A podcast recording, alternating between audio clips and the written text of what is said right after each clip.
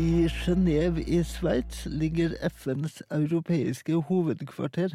Hit var norske myndigheter innkalt i mars 2019 for ei høring om hvordan Norge følger opp CRPD.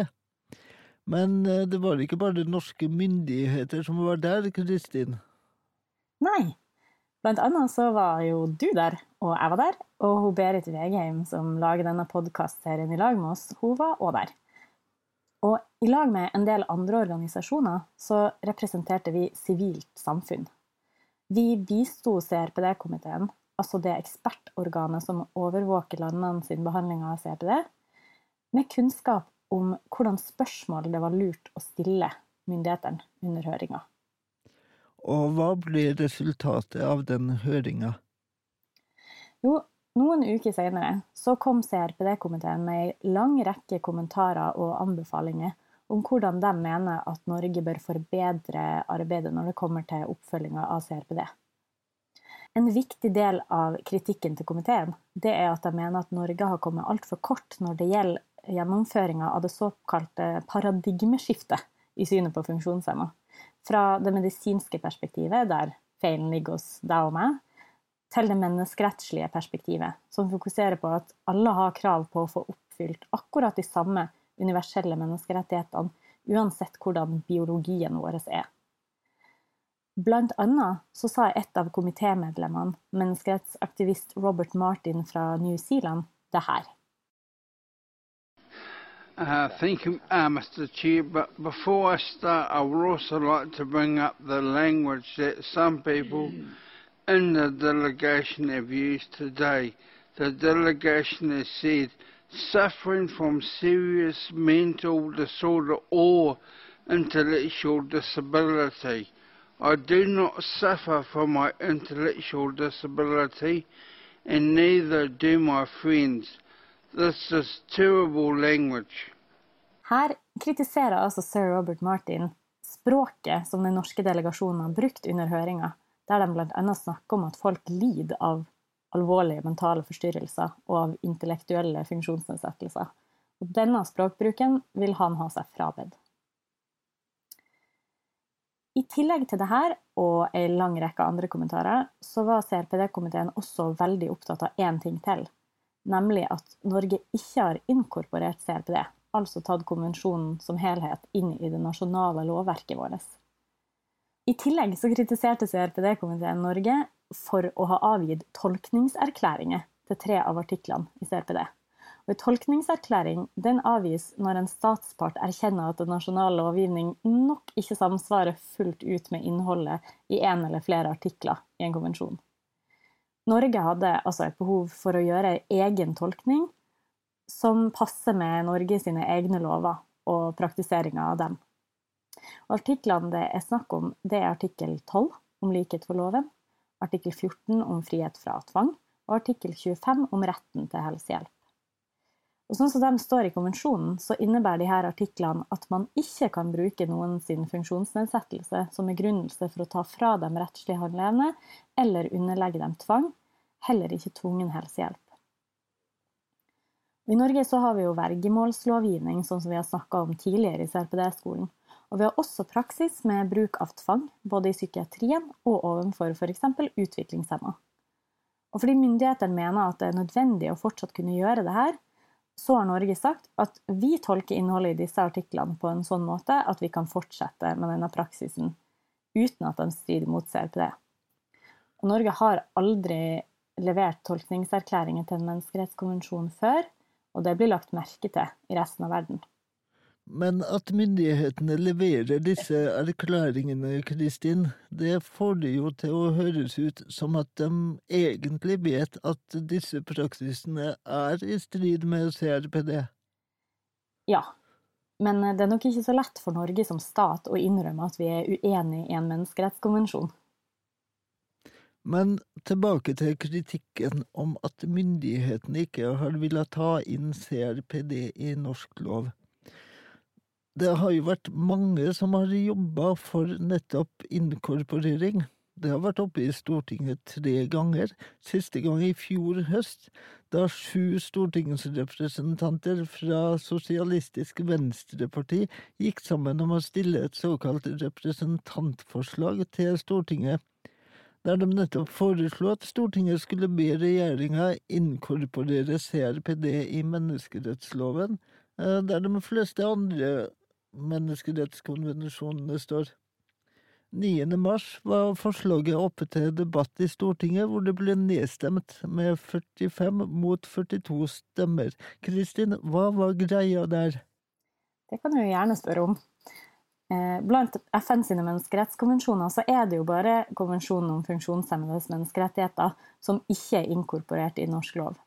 Og mange har ønska å ta inn CRPD i menneskerettsloven, fordi det gir den forrang over andre lover. Det betyr at hvis andre norske lover skulle være i strid med CRPD, så er det menneskerettighetene som går foran. Eh, nå så er jo ikke konvensjonen i menneskerettsloven, og ikke i noen andre lover for den saks skyld heller. Og det betyr at nasjonale lover ville gått foran menneskerettighetene ved motstrid. Men uh, hvordan forsvarer politikerne at uh, funksjonshemmas menneskerettigheter ikke skal behandles på samme måte som uh, de andre menneskerettskonvensjonene? Når vi hører på politikerne, så er det ofte to ting de er opptatt av. Vi kan jo høre på litt av det som ble sagt på Debatten 9. mars. President, Norge ratifiserte FN-konvensjonen om rettighetene til mennesker med nedsatt funksjonsevne, CRPD, i 2013. Norge er forpliktet til å etterleve denne konvensjonen, uavhengig hvordan den er gjennomført i norsk rett. Konvensjonen er gjennomført i norsk rett ved såkalt transformasjon. Det ble foretatt endringer i vergemålslovgivningen og annen lovgivning for å oppfylle konvensjonens krav, regjeringen jobber kontinuerlig for å sikre etterlevelse av CRPD. PD.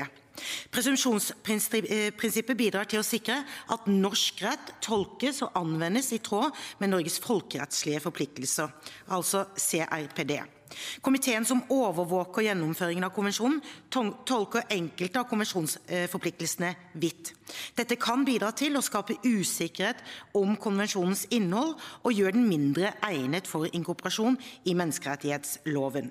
Blant annet mener CRPD-komiteen at nedsatt funksjonsevne aldri kan gi grunnlag for å ta fra noen deres rettslige handleevne eller for tvungen helsehjelp. I Norge og mange andre land er dette tillatt når det er nødvendig som siste utvei og det foreligger kontrollmekanismer. Legges komiteens forståelse til grunn, vil sentrale bestemmelser i norsk lovgivning være i strid med konvensjonen. Her er det altså statsråd Monica Mæland som på den ene sida sier at Norge er forplikta til å følge CRPD uansett om den står i norsk lov eller ikke, fordi vi har ratifisert den, altså forplikta oss overfor de andre landene i FN til å følge innholdet i konvensjonen. Men så sier hun likevel at sentrale bestemmelser i norsk lovgivning vil kunne være i strid med CRPD, og så trekker hun frem tvungen helsehjelp og fratakelse av rettslig handleevne, altså vergemål, som eksempler. Ok, så da sier hun egentlig at det er motstrid mellom CRPD og norsk lov, da?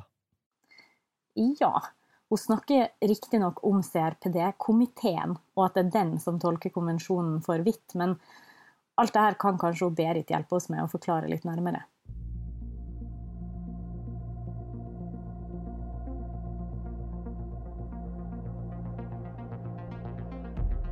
Berit Vegheim. Tidligere her hørte vi Monica Mæland snakke om at CRPD-komiteen har en for vidtrekkende tolkning av konvensjonen. Du, betyr det at uh, norske myndigheter ikke stoler helt på komiteen, og hva handler det i så fall om? Ja, det der er veldig merkelig, fordi at uh, hvis man hører på norske myndigheter og politikere fra alle partier, har jo jeg lyst til å si med en gang, da, det gjelder alle partier, så sier de så mye rart og kommer med så mange merkelige påstander om denne konvensjonen og denne komiteen, at det hører vi aldri når det gjelder andre konvensjoner, tvert imot. Så her er norske myndigheter ute og sklir noe voldsomt. Eh, for det første så er det jo sånn at eh, norske myndigheter var til stede rundt forhandlingsbordet på begynnelsen av 2000-tallet, da man lagde, altså skrev, CRPD. Det er jo en, som vi har sagt, en kontrakt mellom landene, og landene er selv med på å utforme den. Da ble det veldig tydelig at man tenkte at denne konvensjonen skulle egentlig kopiere kvinnekonvensjonen når det gjelder dette med forbudet mot umyndiggjøring. Man trakk frem kvinnekonvensjonen, og alle vet jo det at eh, Eh, det ikke er lov å umyndiggjøre kvinner. Så dette ligger jo veldig, veldig klart. Norge argumenterte hissig og mye mot uh, å ha en sånn forståelse i forhold til funksjonshemmede, og trakk blant annet inn at noen funksjonshemmede er jo som babyer når det gjelder dette å, å kunne forstå og konsekvenser av egne handlinger og ta vare på seg selv og sitt eget beste. Så Norge var krystallklar på sin holdning sammen med land som vi ikke liker å sammenligne oss med, som Jemen og Iran og Syria og den slags. Eh, mens eh, Canada og andre oppegående land, vil jeg kalle dem, de, de gikk inn for den linjen med at man skulle se på dette på samme måte som umyndiggjøring av kvinner. Og det var den andre siden som vant, og det vet jo Norge utmerket godt. Så når Norge nå hele tiden trekke frem komiteen, så er det mot bedre vitende. Fordi Norge ga seg aldri, og når Norge sier at det er komiteens tolkning, så blir jo det i et veldig merkelig lys når vi vet at komiteen laget ikke sin veiledning til forståelse av konvensjonsteksten før etter at Norge hadde ratifisert konvensjonen og levert sine to tolkningserklæringer. Og det hører også med til dette at da komiteen lagde sin veiledning til å forstå dette med fratakelse av rettslig handleevne, så var det ute på en bred høring hvor alle kunne delta i denne høringen, og det var veldig tydelig hva man la i konvensjonen. Sånn at her snakker man mot bedre vitende. Og dette skjer på en måte om igjen og om igjen, at norske myndigheter beskylder komiteen for det utroligste ting. Så da har Stopp diskrimineringen lagd et argumentnotat til hjelp for alle som skal i krigen med politikere, nettopp for å plukke fra hverandre alle disse påstandene og veldig, veldig ja, hva skal vi kalle det, altså det er jo grense til løgn, da, eh, som kommer når vi diskuterer akkurat denne konvensjonen. Og det kan jo være som en digresjon her, da, eh, så kan det jo også være interessant å vite at norske myndigheter også beskylder komiteen for å være for uproff, og at det er for mange funksjonshemmede i denne komiteen. Sånn at uh, hvis man tenker på at norske myndigheter skulle beskyldt kvinnekomiteen for at det var for mange kvinner, eller rasediskrimineringskomiteen for at det er for mange med etniske minoritetsbakgrunn der, så vil jo det være hårreisende. Så det er liksom det, det, er nesten sånn at det er ingen grenser for hva vi kan høre om denne konvensjonen og denne komiteen, og det må vi altså klare å stå imot. Eh, ja, du nevnte uh, Stopp diskrimineringen sitt argumentnotat. Det ligger jo tilgjengelig på nettsida deres, og vi skal også få lagt det ut på uloba.no. Men uh, dere i Stopp diskrimineringen er jo eksperter på funksjonshemmas sivile og politiske rettigheter. Det kan jo være lyttere som nå lurer på hvorfor vi er så opptatt av at Norge må styrke CRPD gjennom å ta den inn i norsk lov. Har du eksempler på at menneskerettighetene til norske innbyggere brytes? Ja, vi har vel vært eh, så vidt inne på dette også i tidligere episoder, men eh, her skal vi ta frem eh, noen helt konkrete eksempler for å vise det. Og jeg vil bare si det sånn at eh, eksempelmengden, den, den, er enorm. Så det er så mye man kunne ha trukket frem. Så, vi, vi kunne hatt flere episoder om det, regner jeg med? Ja, det kunne vi lagd en hel serie om bare bruddene.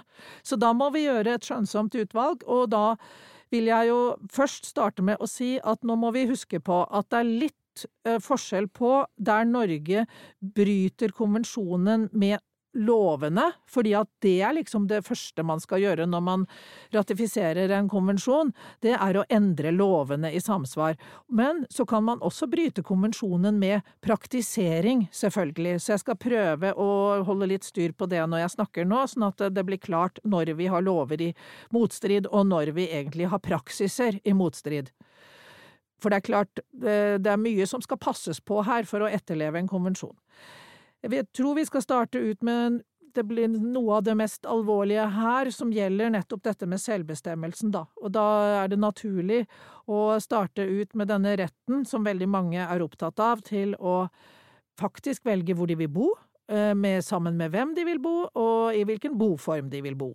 De har rett til å velge dette selv, og de har rett til å få tjenester i livet sitt der.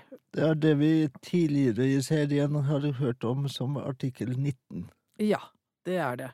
Og den heter å leve Altså, den heter retten til, å, til et selvstendig liv, så den heter liksom ikke independent living. Eh, og det, grunnen til det er jo det at den på en måte ikke fastslår at du skal ha eh, personlig assistent, men vi har sagt før at det, det er faktisk den eneste måten å få realisert det for en del mennesker, er å få personlig assistent.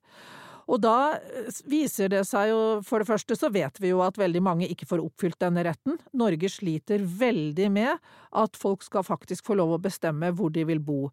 Eh, veldig mange og det har vi lett for å glemme oppi dette, veldig mange bor faktisk i institusjoner for eldre og syke, altså folk i sin beste alder og opp til over den alderen hvor det kanskje var naturlig at man kom på alders- og sykehjem, hvis man trengte det, da, så bor altså folk på slike institusjoner. Og det ja, mange kjenner Bergljot-saken, som var i Brennpunkt, men det er mange Bergljotter i Norge. Og dette har Norge dette har norske myndigheter lovet å rydde opp i 30 år, minst. Så er det jo dette med at vi stadig bygger større bofellesskap og stapper folk med ulike funksjonsnedsettelser og andre problemer, eh, som kan være rusproblemer, for eksempel. Altså folk man ser på som et problem, stappes inn i bofellesskap, og de kan være ganske store, og saken er at det bor flere i institusjonsaktige og institusjoner, eh, boliger, i dag enn en før. Det er ett eksempel. Men så er det jo også hvordan du kan bestemme livet ditt.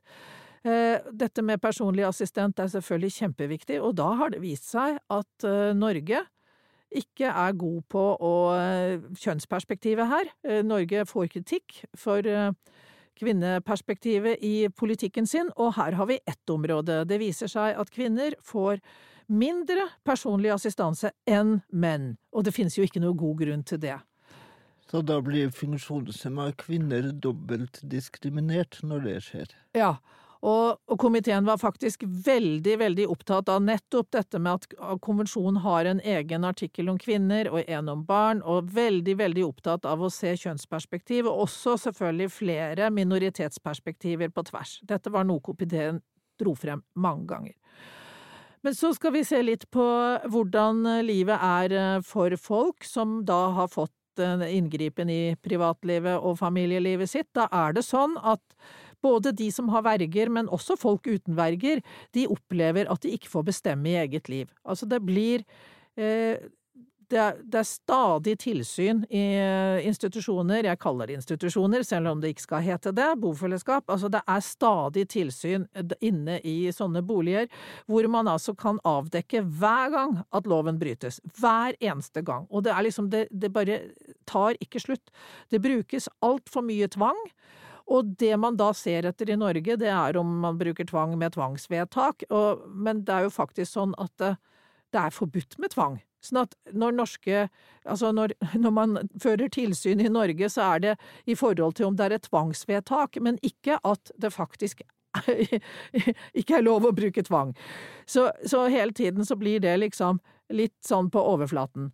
Og her kan vi oppleve at folk ikke får eh, velge hva de vil gjøre i hverdagen sin. Det er en sånn hverdagskultur av tvang.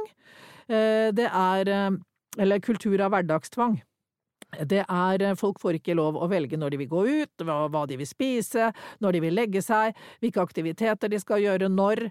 Og det er også sånn at der folk har verger, så blir de bestemt over sånn at man kan oppleve at folk ikke får møte familien sin, ikke får være sammen med sine venner og bekjente og familie.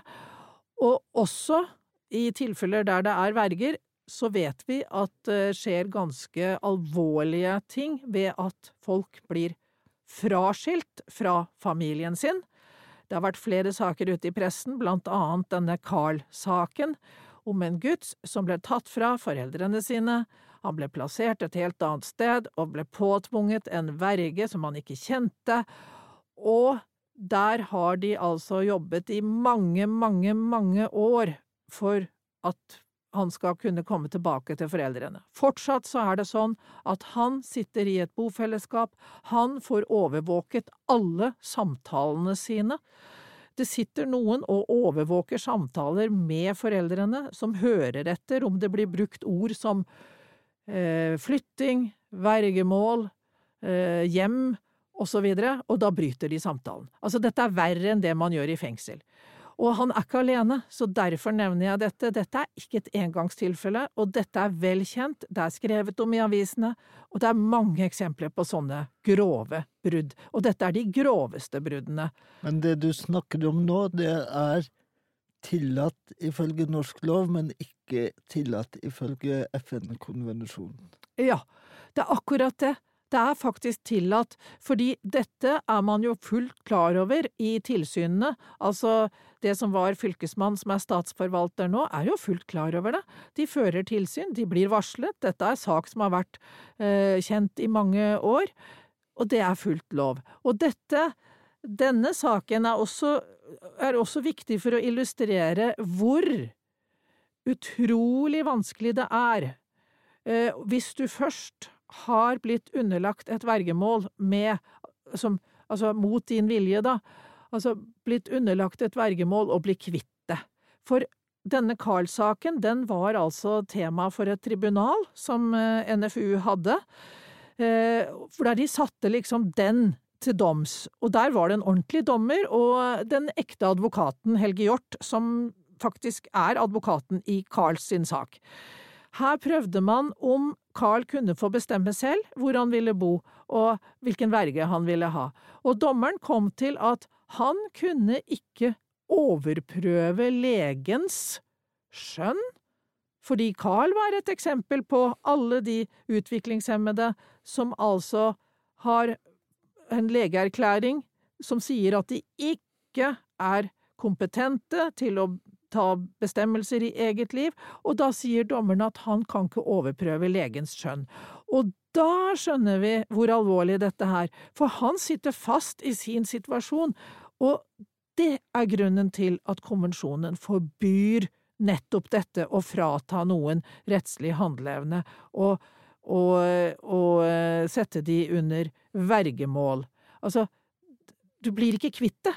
Altså, tilgangen til rettsmidlene, det at du faktisk kan få gjort noe med tvangen, gjort noe med formynderiet, det er nesten det verste med alle disse sakene vi vet om og kjenner eh, skjebnen til masse mennesker som er underlagt dette, altså. Kan du nevne flere artikler som det ofte skjer brudd på? Ja, det er jo dette var jo, dette var jo veldig alvorlige, alvorlige brudd, da, og, og, det er jo naturlig å ha med de. Det er jo også, ja, i avisene så ble det jo kjent for ikke så lenge siden at det var en mann som eh, måtte sove naken eh, fordi de låste inn klærne hans på bofellesskapet, så hvis han ville ha hjelp, så måtte han gå ut naken. Altså, det er også sånn som er liksom den helt mest ekstreme integritetskrenkelsen man kan tenke seg, som ikke er lov i fengsel også. Jeg vil bare ha med det. Men vi kan se på litt andre eksempler, og det er eh, Nå var det en veldig, veldig fersk sak eh, her i Nettavisen om Christian Sommerseth, som altså må fratre sitt verv som kommunestyremedlem fordi han ikke får personlig assistanse. Og da er det sånn Norge fikk flengende kritikk fordi at vi ikke greier å forlate det medisinske perspektivet, og denne saken demonstrerer veldig, veldig tydelig hva vi mener med det. Altså, her ser man på en måte på reglene rundt at han har fått personlig assistanse, og sier at nei, han kan ikke det, og det inngår ikke i eh, lovverket at han skal kunne ha det, og eh, kommunen har rett i praktiseringen av reglene osv. Men dette handler jo ikke om kommunale regler om personlig assistanse, det handler ikke om personlig assistanse, det handler om den mest grunnleggende nesten av alle rettigheter, det også, nemlig retten til å være politisk aktiv og være folkevalgt og utøve ditt verv som folkevalgt. Og når vi snakker om sånne saker, pleier vi å vise til diktaturer, at der får ikke folk lov til å stille til valg, og de får ikke lov til å stille i styre og stell, og de blir nektet det. Ja, det er den, denne saken. Den handler om det. Og så klarer vi altså ikke å få løsrevet den, det som skjer her, fra det at vi snakker om lover og regler og personlig assistanse. Det vi er interessert i da, det er staten skal sørge for at mannen kan få utøvd sitt uh, folkevalgte verv som kommunepolitiker. Altså, det er det staten skal, uansett hvordan det skjer. Det er ikke sikkert det skal skje med BPA, men det skal skje. Nettopp. Ja. Og der der, ikke sant, vi ser det så tydelig hvordan Norge sitter fast i dette medisinske perspektivet sitt, og ikke i det menneskerettslige. For dette handler om menneskerettigheter, det handler ikke om i det hele tatt hva lover og regler sier. Og det er liksom mange saker, denne med Christian Sommerseth, viktig, kjempeviktig, og den kommer ut i media, men den blir fullstendig feil håndtert, fordi at man kjenner ikke igjen hva det dreier seg om. Men det finnes også mange andre saker der det gjelder nettopp dette med den politiske deltakelsen, der folk ikke får utført sine verv som folkevalgt, fordi de ikke får den tilretteleggingen de har krav på til å teleslynge, til informasjon, det kan være til og med fysisk tilgjengelighet til, til eh, kommunestyresalen. Og alle disse sakene handler ikke om tilgjengelighet, de handler altså om brudd på politiske menneskerettigheter. Og da er det sånn at eh, det spiller ikke noen rolle om det er et gammelt bygg, for eksempel rådhuset, da, hvor, eh, hvor kommunen har sine møter. Helt uinteressant, bare ha det rådhuset, men, men flytt de møtene til et sted hvor alle kommer inn, og hvor det er teleslynge, og hvor alle kan få tilgang, tilgjengelige sakspapirer osv. Ikke sant? Det er det det handler om. Jeg skjønner, eh, men eh, du Berit Wegenheim, FN-konvensjonen sier vel også noe om at eh, politi, påtalemyndighet, omsorgsinstanser skal læres opp til å gjenkjenne overgrep mot funksjonshemma. Kan du si noe om det? Ja, det gjør de, og det var jo også det er jo vi som har skaffet komiteen de temaene vi ønsket at de skulle gi tilbakemelding på.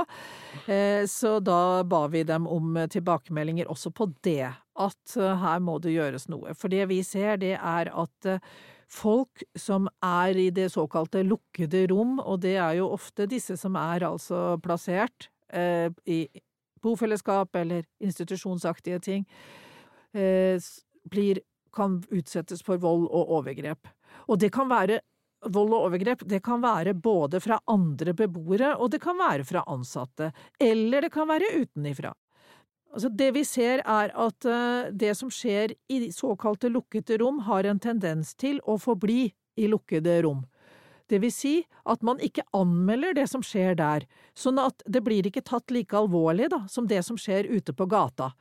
Så det vi vet, og har masse eksempler på, er at når det skjer, så holdes det innenfor institusjonen, det hender, det er først når media får tak i det at vi ser at eh, ansatte kan for eksempel få sparken, men ofte ikke det, bare permisjon. De forblir der, eller de blir flyttet til et annet sted. Eh, vi ser at man eh, unngår å trekke inn tjenesteapparatet utenfra og politi, og så ser vi også at når politi blir trukket inn, så har det med mange tilfeller har de unnlatt å avhøre folk hvis de trenger ekstra tilrettelegging for å kunne, for å kunne svare på spørsmål, sånn som tolker, tegn til tale og tekst til tale og så videre. Så, så, unngår politiet å gjøre dette, for at de syns det blir for mye plunder og heft. Sånn at disse folka har ikke den samme rettssikkerheten. Men det er også sånn at dersom folk opplever vold og overgrep ute på gata, altså i hjemmet sitt, eller for så vidt, ja, men utenfor institusjon eller ute på gata, så er det også sånn at det har en tendens til å ikke bli gjenkjent som det samme fenomenet som andre blir utsatt for, for eksempel voldtekt og hatkriminalitet, men man omdefinerer dette til å handle om å utnytte noens forsvarsløshet, utnytte noens eh, utviklingshemming osv. Altså man drar inn diagnoser, man drar inn eh, det at man er en forsvarsløs person og sånn, og på den måten nøytraliserer man det som faktisk skjer istedenfor å få veldig tydelig frem at dette er hatkriminalitet, dette er voldtekt. Og da skjer det jo også det at lovgivningen blir brukt på en annen måte. Så dette var komiteen veldig opptatt av, og dette har jo også med et kvinneperspektiv å gjøre. Selv om ofrene her også kan være menn, så er det ikke noe tvil om at de fleste som utsettes for vold og overgrep eh, i institusjoner, og også som utsettes for voldtekt ute, det er jo kvinner. Tidligere sa du at eh, representanter for norske myndigheter sammenligna funksjonshemma med babyer under forhandlingene om CRPD. Den sammenligninga var ikke spesielt respektfull. Um, vi har vel vært inne på det tidligere i podkastserien, men kanskje noen trenger en nærmere forklaring. Hvordan kan man møte argumenter om at noen funksjonshemma ikke kan ha rettslig handleevne, eller at man noen ganger er så syk at man ikke selv kan avgjøre om man skal ha helsehjelp eller ikke? Det er nettopp det det er jo her vi strever, da, og særlig disse velferdsstatene, som vi kan kalle formynderske i sitt vesen, strever veldig med det. Fordi at man gjerne vil ta over, da, det er liksom mye enklere, bare ta over og bestemme, som jeg har gitt mange eksempler på her også. Det som konvensjonen sier at man skal gjøre, det er å tilby den støtten du kan trenge og da ut ifra en vurdering som er objektiv av hva slags eh, behov det kan være, og da er det viktig å huske at selv om det skulle innebære at du får støtte inntil 100% så skal du ha støtte inntil 100% men du skal aldri fratas din rettslige handleevne, verken med dom eller med en legeerklæring, som vi vet skjer oftest når det gjelder utviklingshemmede. Nettopp fordi, som jeg ga et eksempel på tidligere her, hvis du får dette mot deg, så blir du ikke kvitt det, og da er du fanget så fast at du blir sittende i det. Du får ikke ristet det av deg, og da skjønner vi hvor alvorlig dette her er, og hvorfor vi maser om dette hele tiden, og hvorfor norske myndigheter nettopp har problemer her, for de syns det er lettere å løse det med at vi må vite, vi vet best på vegne av andre. Andre er så syke og kan ikke ta vare på seg selv. Men det er det konvensjonen på en måte slår fast, at ingen skal oppleve å bli umyndiggjort eller satt under tvang, tvungen helsehjelp, tvangsmedisinering, tvangsinnesperring på grunnlag av funksjonsnedsettelsen, det må være objektive grunner til det. Og det er liksom vanskelig for sånne velferdsstater å avfinne seg med, for de er så vant til å tråkke inn i livene til folk og ta over. Og så vet vi jo at hvis du skal oppfylle konvensjonen og gi folk den beslutningsstøtten som de må da kunne, og den må kunne skje på veldig mange forskjellige måter, alt etter hva slags behov folk har, Altså, det kan være et personlig ombud som er tilgjengelig når noen trenger å stikke innom for å få litt rådgivning. Alle mennesker bruker eh, folk rundt seg til rådgivning, det er ikke noe rart i det.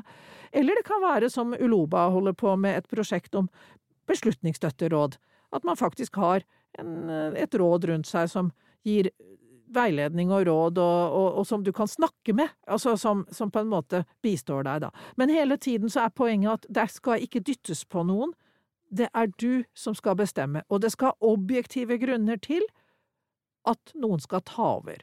Du må få lov å gjøre feil, alle folk får lov til å gjøre masse rart i livet sitt, jf. luksusfellen og mange andre ting.